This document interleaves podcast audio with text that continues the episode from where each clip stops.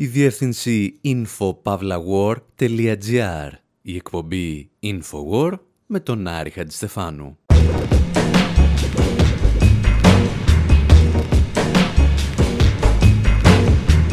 όπου σήμερα στον απόηχο της τραγωδίας του Ορλάντο τραγουδάμε για γκέι μπαρ και για γκέι κλαμπ που άλλαξαν τον κόσμο. Μελοποιούμε ένα κείμενο που δημοσιεύσαμε στην εφημερίδα των συντακτών για μια εποχή όπου οι μαύροι πάνθηρες συνάντησαν την γκέι κοινότητα της Νέας Υόρκης και αποφάσισαν από κοινού να ξεκινήσουν μια επανάσταση. Αναρωτιόμαστε εάν ο Τζον Τραβόλτα έκανε στην disco σκηνή ό,τι ο Γιώργος Νταλάρα στο ρεμπέτικο και απαντάμε περίπου. Ακούμε μαρξιστικές αναλύσεις για την αξία χρήσης και την ανταλλακτική αξία ενός DJ. Και για να σας βάλουμε στο κλίμα, σας καλούμε να μας ακολουθήσετε σε ένα gay bar.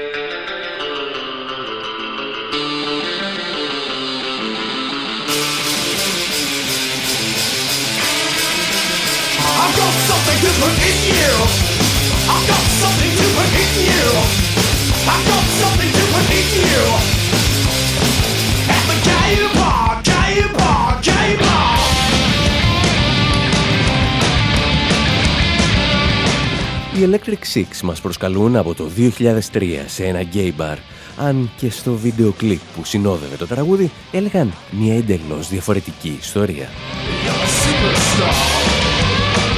Βρισκόμαστε υποτίθεται στο εσωτερικό του Λευκού Οίκου και ο πρόεδρος Αβραάμ Λίνκολν φοράει ένα στενό δερμάτινο σορτσάκι και έχει στενές επαφές τρίτου τύπου με το προσωπικό του κτηρίου και κυρίως με τους άντρες του κτηρίου. Την ίδια ώρα, διάφορα φαλικά σύμβολα κάνουν την εμφάνισή τους κοντά στο οβάλ γραφείο. Οι περισσότεροι ραδιοφωνικοί και τηλεοπτικοί σταθμοί στις Ηνωμένες Πολιτείες μετέδιδαν μια λογοκριμένη εκδοχή του τραγουδιού. Το παράδοξο όμως είναι ότι δεν αφαίρεσαν ούτε τις αναφορές σε γκέι μπαρ, ούτε τα φαλικά σύμβολα. Έβγαλαν τη φράση που έλεγε «Ας ξεκινήσουμε έναν πόλεμο». Το έτος, μην ξεχνάτε, ήταν το 2003 και οι Ηνωμένες Πολιτείες βομβάρδιζαν και εισέβαλαν στο Ιράκ. Συνεπώς, οποιαδήποτε αναφορά σε πόλεμο ήταν απαγορευμένη για να μην θίγονται τα λεφτά αισθήματα των στρατευμάτων κατοχής. Οι Ηνωμένες Πολιτείες είχαν πάντα μία ιδιαίτερη σχέση με το ζήτημα της ομοφιλοφιλίας, αλλά και τις διεθνείς τους σχέσεις και πως τα δύο αυτά συνδέονταν. Και έτσι, όταν τον Ιούνιο του 2016 ένας σχιζοφρενής αλλά νομίμως οπλισμένος νεαρός σκόρπισε το θάνατο στο Ορλάντο, κάποιοι σκέφτηκαν απλώς να κλείσουν τα σύνορα στους μουσουλμάνους ή να βομβαρδίσουν μία ακόμη χώρα. Πολύ λιγότεροι ήταν αυτοί που σχολίασαν ότι ο νεαρός, εκτός του ότι κατά τα φαινόμενα ήταν και ο ίδιος γκέι, είχε αιμονή με τα όπλα. Εργαζόταν μάλιστα στη μεγαλύτερη εταιρεία μισθοφόρων και σεκιουριτάδων του πλανήτη, την G4S. Ήταν δηλαδή το πρότυπο της Αμερικανικής ασφάλειας.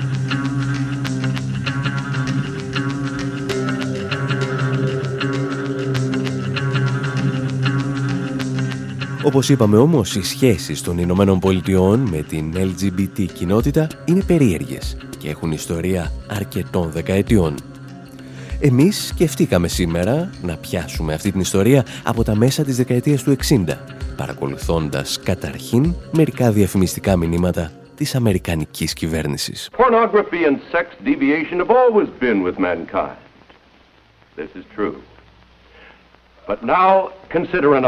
Η πορνογραφία και οι σεξουαλικές παρεκκλήσεις υπήρχαν ανέκαθεν στην ιστορία της ανθρωπότητας. Σκεφτείτε όμως και κάτι άλλο. Ποτέ άλλοτε στην ιστορία οι έμποροι της χειδαιότητα και οι δάσκαλοι των παραφή ερωτικών επαφών δεν είχαν στη διάθεσή τους τόσο προηγμένη τεχνολογία για να προωθούν τη βρωμιά τους. Τα μεγάλα πιεστήρια. Οι ταχύτητες μεταφοράς προϊόντων και η μαζική διανομή ενώθηκαν για να στείλουν τη χειδαιότητα στα χέρια κάθε άντρα, κάθε γυναίκα, σε κάθε παιδιού σε αυτή τη χώρα.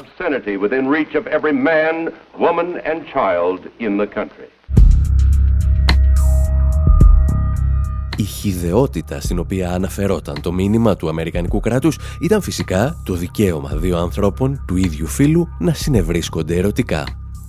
Ένα δικαίωμα που είχε φροντίσει να καταργήσει και επισήμως ο πρόεδρος Άιζενχάουερ από το 1953.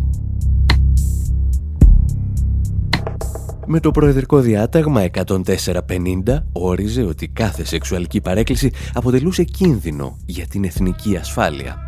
Το FBI λοιπόν, εμμέσως πλην σαφώς, έλαβε εντολή να εντοπίζει τους κρατικούς υπαλλήλους με τάσεις ομοφιλοφιλίας και να τους απομακρύνει. Τις διώξεις δηλαδή εναντίον των γκέι πραγματοποιούσε ο J. Edgar Hoover, ο οποίος ήταν και ο ίδιος γκέι με τον ίδιο σχεδόν τρόπο που ο δράστης του Ορλάντο φέρεται να είχε τις ίδιες προτιμήσεις με τα θύματα του. Η επίσημη δικαιολογία για το FBI ήταν ότι άνθρωποι με τέτοιες ασθένειες, όπως ανέφερε το διάταγμα, μπορεί να πέσουν εύκολα θύματα εκβιασμού και να θέσουν σε κίνδυνο την εθνική ασφάλεια, προδίδοντας τη χώρα τους. Πάλι δηλαδή οι κομμουνιστές μας έφταιγαν, αλλά τα βάζαμε και με τους γκέι. Και επειδή τα σχετικά αρχεία του Αμερικανικού κράτους διανέμονταν και στον ιδιωτικό τομέα, οι άνθρωποι αυτοί στιγματίζονταν για πάντα. Έβγαιναν από την παραγωγική διαδικασία με τρόπο που ούτε τα πιο απολυταρχικά καθεστώτα του πλανήτη δεν θα μπορούσαν να φανταστούν. Η Αμερική έπρεπε να περιμένει άλλες έξι δεκαετίες έως ότου ένας άλλος πρόεδρος με ένα άλλο προεδρικό διάταγμα θα σταματούσε επισήμως αυτές τις διακρίσεις. Ο Μπαράκ Ομπάμα. Doesn't make much sense, but today in America, millions of our fellow citizens wake up δεν έχει και πολύ λογική, αλλά σήμερα στην Αμερική εκατομμύρια συμπολίτες μας πάνε στη δουλειά τους γνωρίζοντας ότι μπορεί να την χάσουν ανα πάσα στιγμή. Όχι για κάτι που έκαναν ή που δεν έκαναν, αλλά για αυτό που είναι. Λεσβείε, γκέι, bisexual ή transsexual. Αυτό είναι λάθος και είμαστε εδώ για να το διορθώσουμε.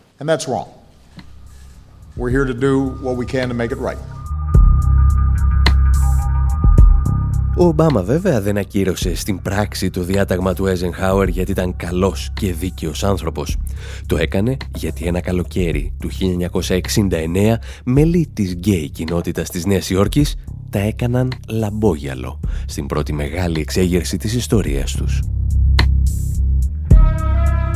Περιπέτειες που θα σας διηγηθούμε εντός ολίγου.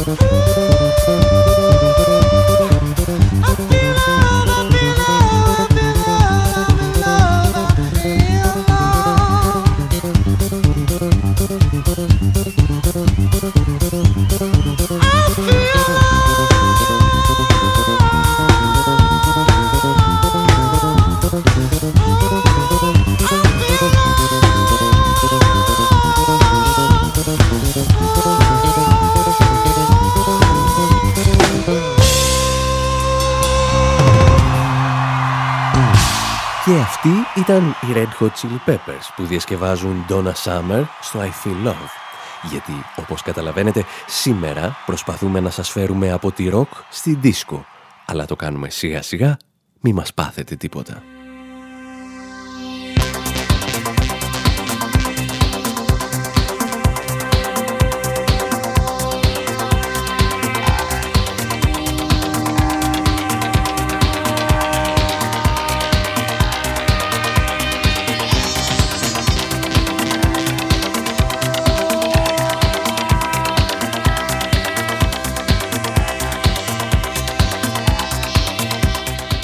Για την ιστορία πάντως να σας πούμε ότι όταν ο Μπράιαν Ίνο άκουσε την αρχική έκδοση του τραγουδιού, έτρεξε στο στούντιο που ηχογραφούσε τότε ο David Bowie και του είπε «Σταμάτα ό,τι κάνεις αυτή τη στιγμή».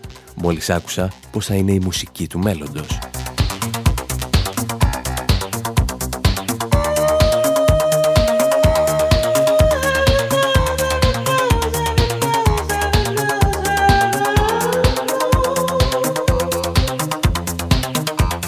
Το δικό μας μέλλον πάντως αργεί ακόμη.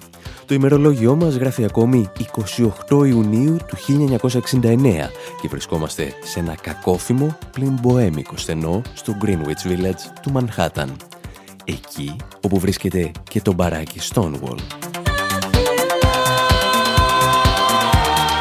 Εκείνη την εποχή ήταν ένα από τα ελάχιστα στέκια στην Αμερικανική επικράτεια όπου μπορούσαν να συγκεντρώνονται ομοφιλόφιλοι και το κατάφερναν γιατί το μαγαζί βρισκόταν υπό τον έλεγχο της μαφίας, η οποία τα έπαιρνε από τους πελάτες και με τα κέρδη λάδωνε την αστυνομία.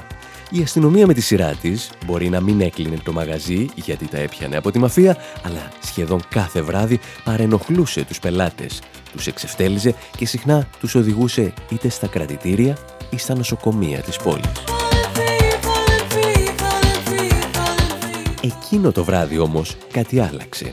Εκείνο το βράδυ της 28 Ιουνίου του 1968 δεν επικρατούσε ο μακαρθισμός και ο πουριτανισμός, αλλά το εξεγερτικό πνεύμα της δεκαετίας του 60. Το πνεύμα που είχε εκδηλωθεί μέσα από το αντιπολεμικό κίνημα για το Βιετνάμ, αλλά και από το κίνημα των Γήπης.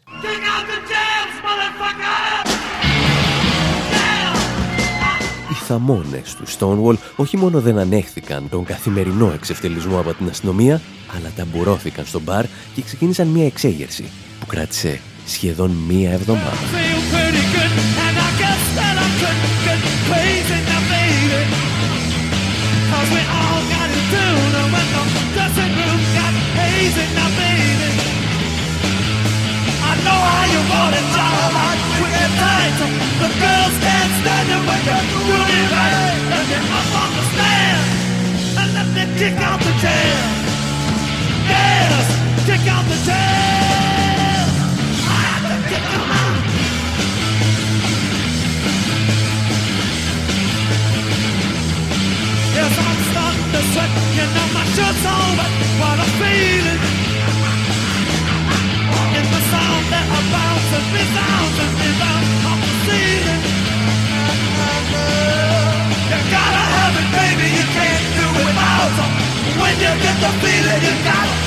suck them out with that mic in my hand. And let me kick out the jam. Yes! Ήταν ένα πρωτοφανές θέαμα που εμπεριείχε στοιχεία καρναβαλιού αλλά και μάχες σώμα με σώμα με τις ειδικές δυνάμεις της αστυνομίας. Οι συγκεντρωμένοι όταν δεν χόρευαν μπροστά στις δημιουργίες των Αμερικανικών ΜΑΤ, τους πετούσαν ό,τι υπήρχε μέσα στο μπαρ, από μπουκάλια και τασάκια μέχρι καρέκλες και τραπέζια. Από τον χορό θα προκύψουν οι ετήσιες εκδηλώσεις του Gay Pride που συνεχίζονται ακόμη και σήμερα. Από τις συγκρούσεις όμως θα γεννηθεί το μαχητικό κίνημα για τα δικαιώματα των ΛΟΑΤ. Από τη δεύτερη ημέρα των ταραχών συγκεντρώθηκαν στο Stonewall οργανώσεις της αριστεράς αλλά και μέλη από τους Μαύρους Πάνθυρες, το σημαντικότερο ένοπλο επαναστατικό μαρξιστικό κίνημα της σύγχρονης Αμερικής. Είναι χαρακτηριστικό ότι το κίνημα για τα δικαιώματα των ομοφυλόφιλων που γεννήθηκε εκείνη την εβδομάδα δανείστηκε συνθήματα από τους Μαύρους Πάνθυρες. Το σύνθημα Black is Beautiful έγινε Gay is Good και το Black Power μεταμορφώθηκε σε Gay Power. Και οι πολιτικές προκλήσεις απέναντι στο αμερικανικό κατεστημένο δεν σταματούσαν εκεί.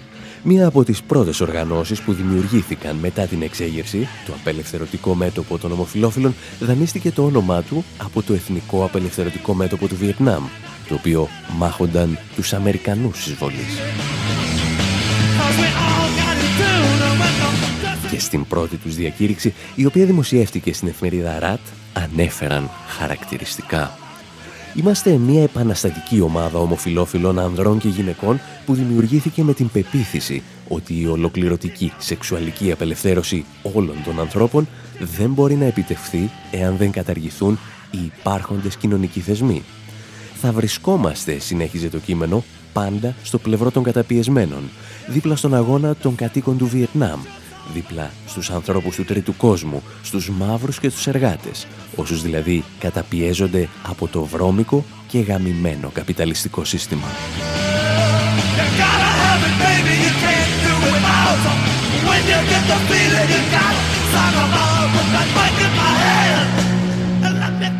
Όσοι έσπευσαν να βοηθήσουν εκείνες τις ημέρες τους θαμώνες τους Stonewall είχαν ορισμένα πολύ συγκεκριμένα πράγματα στο μυαλό τους ήθελαν να τους ενώσουν με τα κινήματα για την πολιτική, φιλετική, αλλά κυρίως την οικονομική ισότητα. Ελάχιστα τους ενδιέφερε πόσα γράμματα θα είχε το αρκτικό λέξο LGBT, αρκεί να ήταν συνδεδεμένο με τους κοινωνικούς αγώνες. Το ακριβώς αντίθετο δηλαδή από ό,τι συμβαίνει σήμερα. Ο Μπαράκ Ομπάμα, όπως και οι άλλοι εραστές των πολιτικών ταυτότητας, των λεγόμενων identity politics, είναι διατεθειμένοι σήμερα να προσφέρουν ατομικά δικαιώματα στο κίνημα των LGBT. Μόνο όμως εάν αυτό παραμένει αποκομμένο από άλλες κοινωνικές διεκδικήσεις. Εμείς θα σας δίνουμε σύμφωνα συμβίωσης και εσείς δεν θα αμφισβητείτε την εξωτερική και κυρίως την οικονομική πολιτική την οποία ακολουθούμε για λογαριασμό μεγάλων τραπεζών και επιχειρήσεων.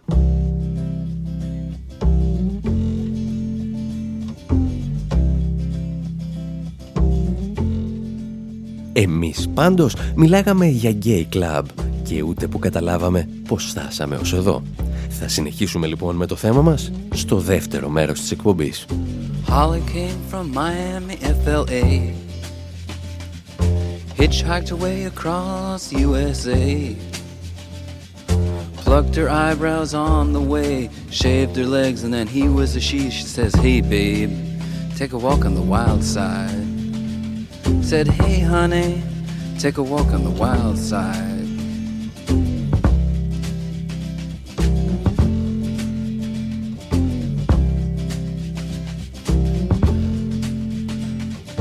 Candy came from out on the island.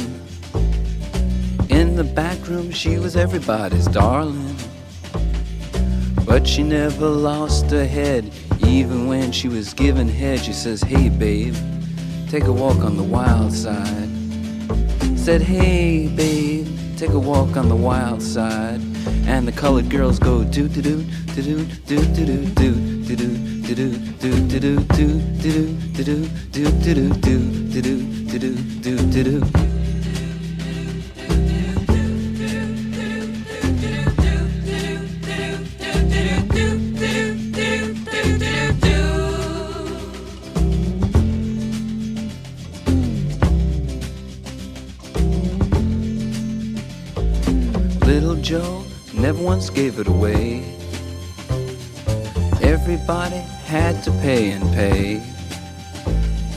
hustle here and a hustle there. New York City is the place where they said, Hey, babe, take a walk on the wild side. I said, Hey, Joe, take a walk on the wild side.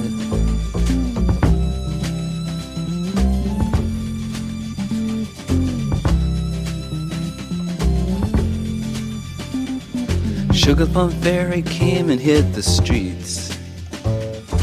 Looking for soul food and a place to eat.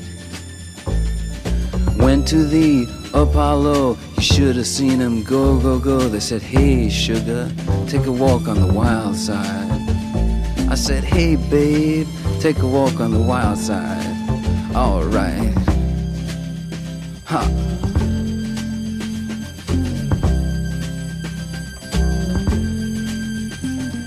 Jackie is just speeding away. Thought she was James Dean for a day.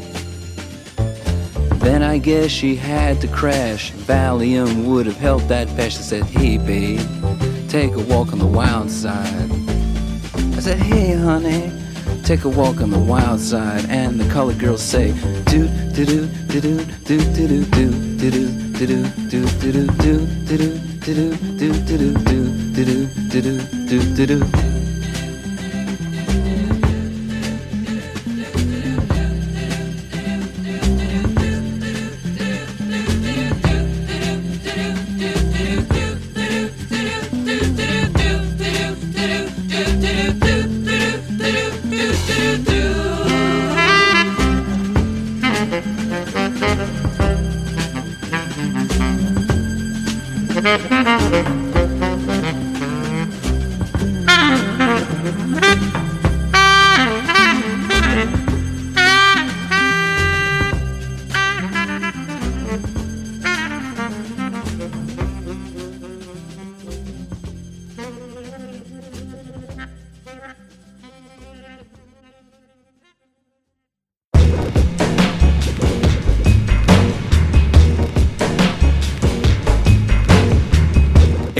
Infowar, μέρος δεύτερο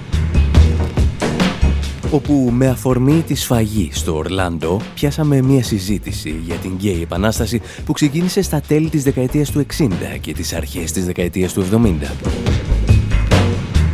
Μια επανάσταση που ήταν περήφανη να συνδέεται με μαρξιστικές οργανώσεις όπως οι Μαύροι Πάνθυρες και με το αντιπολεμικό κίνημα για το Βιετνάμ μια κοινωνική και σεξουαλική επανάσταση που έφερε μαζί της και μια μουσική επανάσταση η οποία γνώρισε την άνθηση αλλά και την αφομοίωσή της.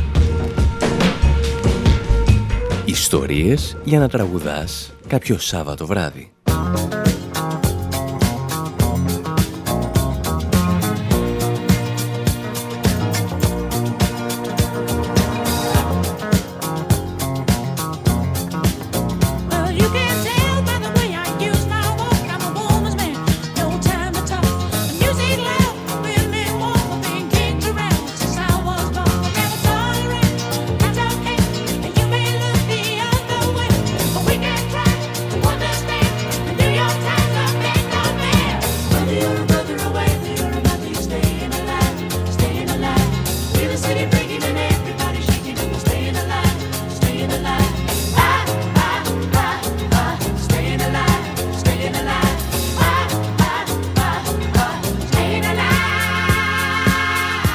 Στα 1977 ένας κύριος με λευκό κουστούμι ανεβαίνει στην πίστα και χορεύει. Έχει μόλις κυκλοφορήσει η ταινία Saturday Night Fever με τον John Travolta να φέρνει τη μουσική δίσκο σε ένα ευρύτερο ακροατήριο λευκών ετεροφιλόφιλων. Ορισμένοι κάκεντρεχείς, μεταξύ των οποίων και εμείς, θα υποστηρίξουν αργότερα ότι ο Τραβόλτα έκανε στην δίσκο ότι έκανε ο Νταλάρα στο ρεμπέτικο. Το έφερε σε κάθε σπίτι, αφού πρώτα όμως του αφαίρεσε όλα τα στοιχεία που το έκαναν underground. Και αν αυτό είναι καλό ή κακό σε τελική ανάλυση, αποτελεί θέμα συζήτησης, στην οποία δεν θα ήθελε να εμπλακεί ούτε ο Φάουστ.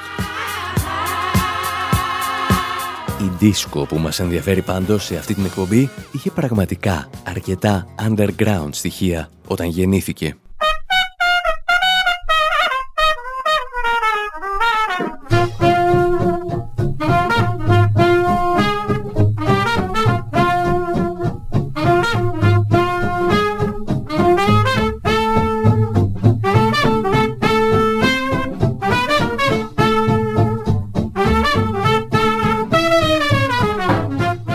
Θεωρητικά, όπως θα διαβάσετε στις εγκυκλοπαίδειες, οι πρώτες δισκοτέκ δημιουργούνται στην κατεχόμενη Γαλλία του Δευτέρου Παγκοσμίου Πολέμου. Λόγω των περιορισμών που επέβαλαν τα ναζιστικά στρατεύματα κατοχής, τα νυχτερινά jazz club αναγκάστηκαν να απομακρύνουν τις ορχήστρες και να παίζουν μουσική από δίσκους. Και ύστερα από λίγα χρόνια, σχεδόν όλα τα νυχτερινά κέντρα της Γαλλίας αποκαλούνταν δισκοτέκ. Η δική μας ιστορία της σύγχρονης δίσκο όμως ξεκινάει στη Νέα Υόρκη, των αρχών της δεκαετίας του 70.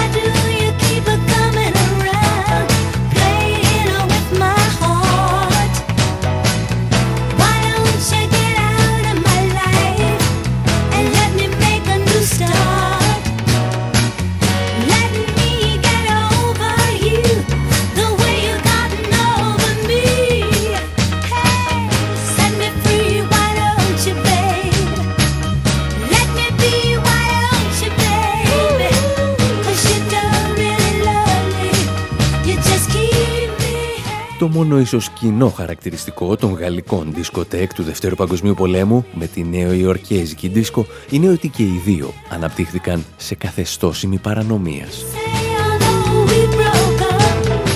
Στην Αμερική των αρχών της δεκαετίας του 70 οι ισορροπίες είχαν αρχίσει να αλλάζουν ύστερα από την εξέγερση του Stonewall αλλά τα μαγαζιά που συγκεντρώνονταν οι γκέι αποτελούσαν ακόμη στόχο για την αστυνομία. Και έτσι μεταφέρθηκαν σε διαμερίσματα.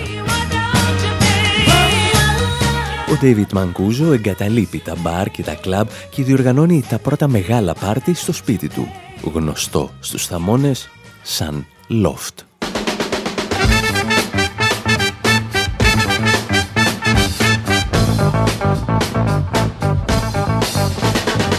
Good and bad, big, small,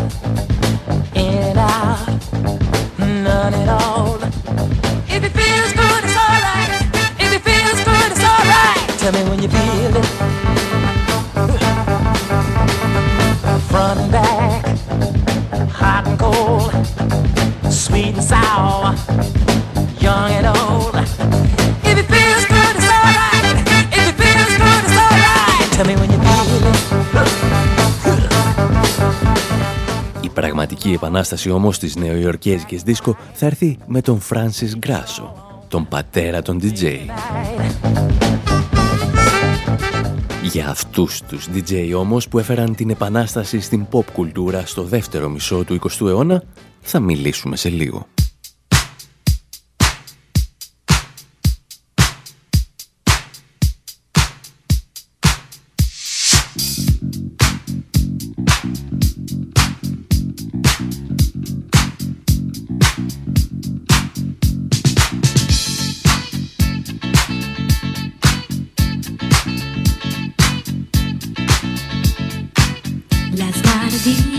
my life.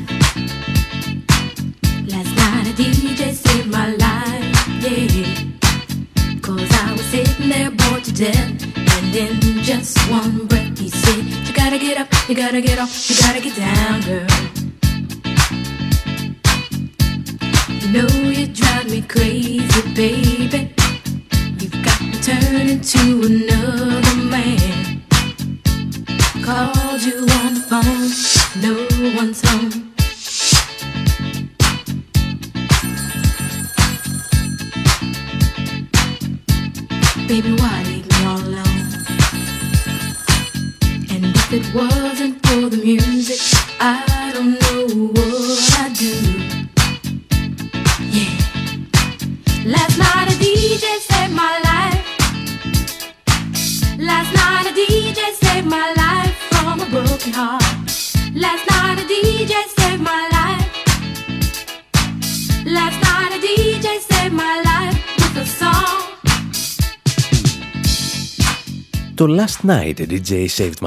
Μπορεί να μας έχει απομακρύνει λίγο χρονικά από την ιστορία μας, αφού γράφτηκε στη δεκαετία του 80, περιγράφει όμως το θρύλο των DJ που δημιουργήθηκε στη δεκαετία του 70 σε κάποια gay club. Όπως έγραφε προημερών στο Guardian, ο μουσικοκριτικός Αλέξης Πετρίδης, αυτοί οι DJ έφεραν την μεγαλύτερη επανάσταση στην pop μουσική στο δεύτερο μισό του 20ου αιώνα.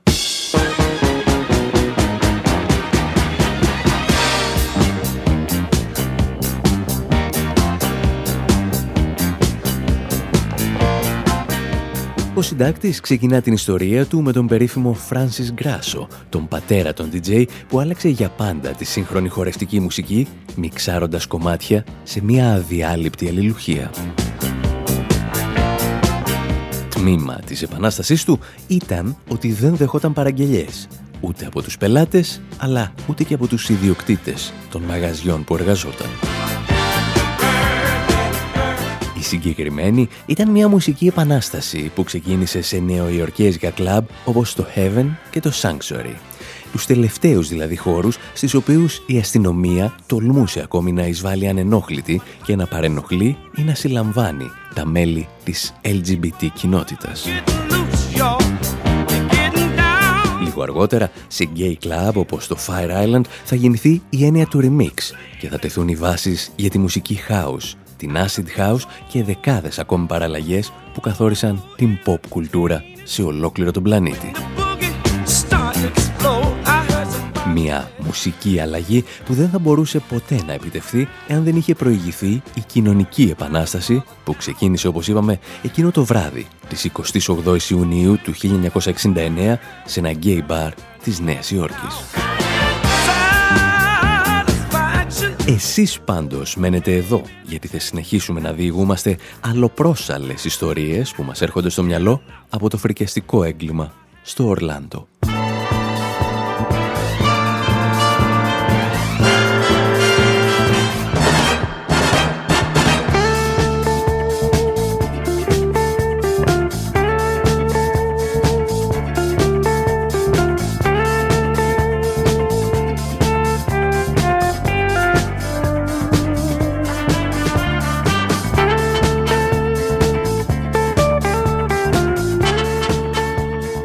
Στην εκπομπή Infowar με τον Άρη Χατζηστεφάνου συνεχίζουμε να διηγούμαστε φαινομενικά ασύνδετες ιστορίες με αφορμή την επίθεση στο Gay Club στο Ορλάντο των Ηνωμένων Πολιτειών.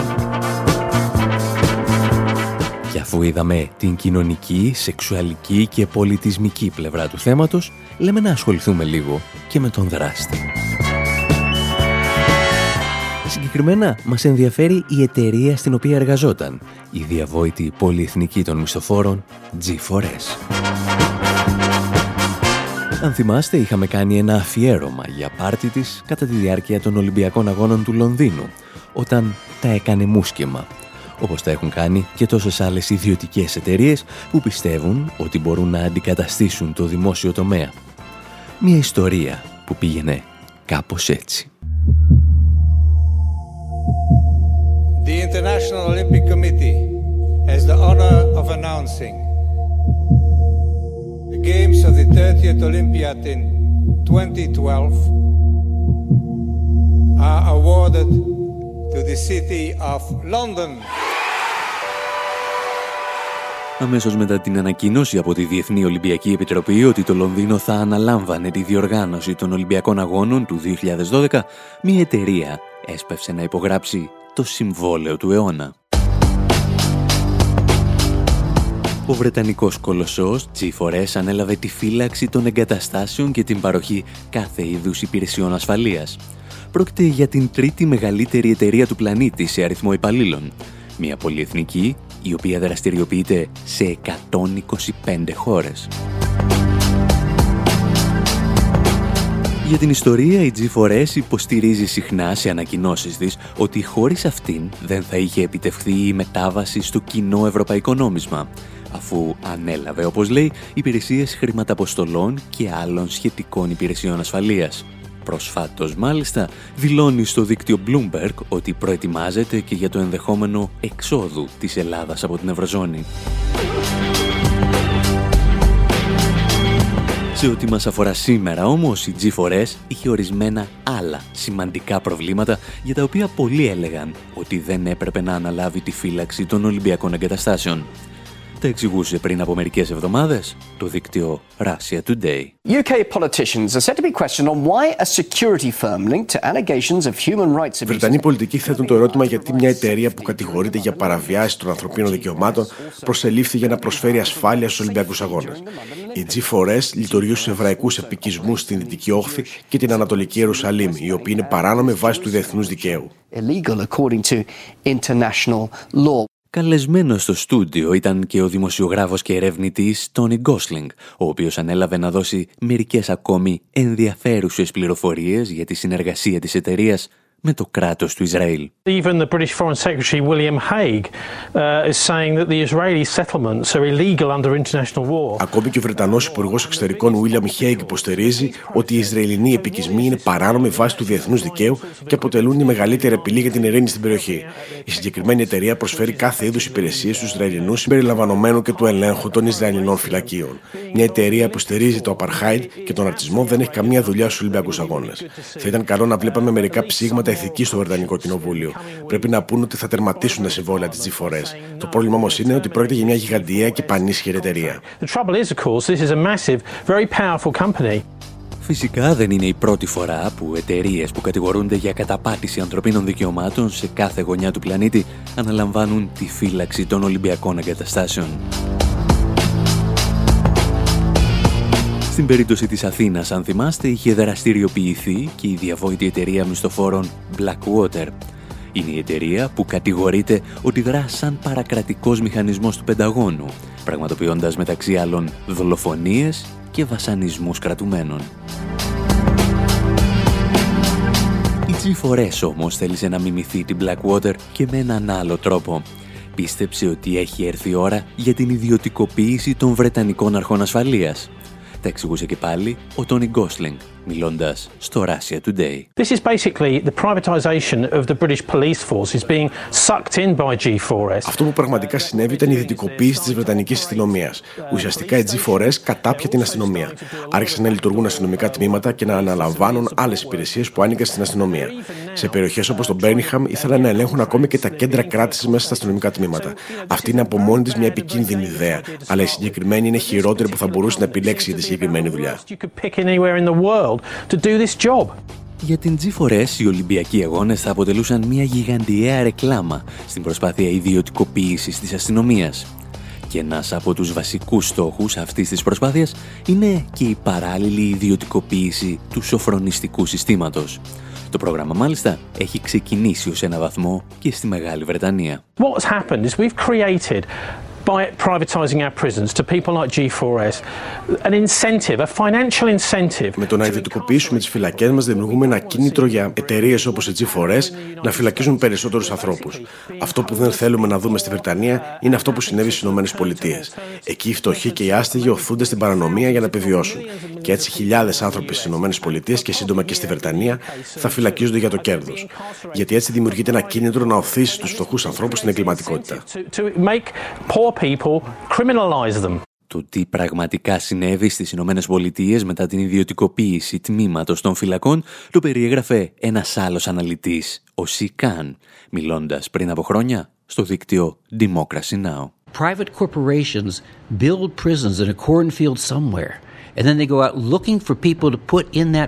Υπάρχουν ιδιωτικές επιχειρήσεις που κτίζουν φυλακές σε απομακρυσμένες εκτάσεις και ύστερα αναζητούν ανθρώπους για να γεμίσουν αυτές τις φυλακές ώστε να έχουν κέρδος. Νομίζω σε αυτό το σημείο ξεπερνάμε κάθε όριο ανθρωπισμού. Νομίζω υπάρχουν ομοιότητε με την εξωτερική μας πολιτική, την πολιτική μας στο Άμπου Γκράιμπ και όλα τα σχετικά. Πρόκειται για κατάφορη παραβίαση των ανθρωπίνων δικαιωμάτων. Και όμως πρόκειται για ενδυμικό φαινόμενο. Στη χώρα μας, 120.000 άνθρωποι βρίσκονται στη φυλακή προσφέροντας κέρδη σε εταιρείες country are imprisoned for profit. Όπως εύκολα καταλαβαίνει κανείς, μια ιδιωτική φυλακή είναι σαν ένα ξενοδοχείο. Θέλει πελάτες και θα κάνει τα πάντα για να τους βρει. Ίσως να ασκήσει πιέσεις για αυστηρότερη αστυνόμευση, η οποία θα φέρει περισσότερες συλλήψεις και περισσότερους πελάτες.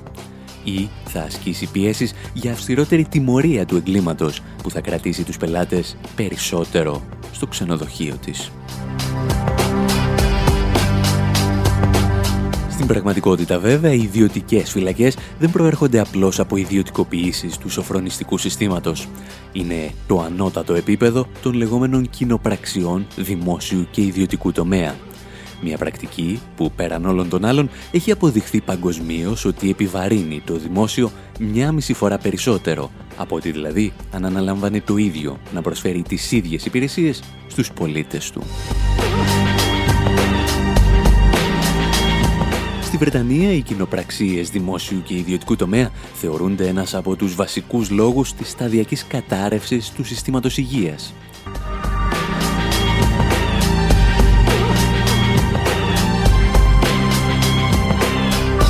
Εμείς όμως επιστρέφουμε πάντα στο Λονδίνο. Ενώ λοιπόν όλα ήταν έτοιμα ώστε οι Ολυμπιακοί Αγώνες να αποτελέσουν την κερκόπορτα για την ιδιωτικοποίηση των λειτουργικών ασφαλείας της Μεγάλης Βρετανίας, οι G4S κατάφερε να τεινάξει τα πάντα στον αέρα. Η ιδιωτική εταιρεία ανακοίνωσε ότι δεν είναι τελικά σε θέση να προσφέρει τις υπηρεσίες που υποσχέθηκε στο Βρετανικό κράτος. Για άλλη μια φορά, ο ιδιωτικός τομέας ανακοίνωνε ότι χωρίς τις τεράστιες επενδύσεις του δημόσιου τομέα δεν μπορεί να κάνει απολύτως τίποτα.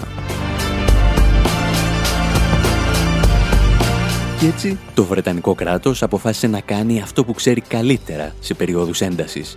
Κάλεσε τις ένοπλες δυνάμεις να επιβάλλουν την τάξη. Το Υπουργείο Άμυνας επιστράτευσε τουλάχιστον 3.500 στρατιώτες, από τους οποίους ένας στους τρεις επέστρεφαν από αποστολές στο Αφγανιστάν.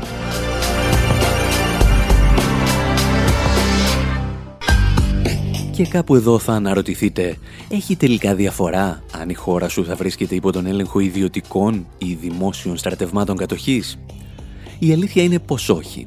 Απλώς, ακόμη και εδώ, το δημόσιο είναι εν τέλει πιο φθηνό για το φορολογούμενο.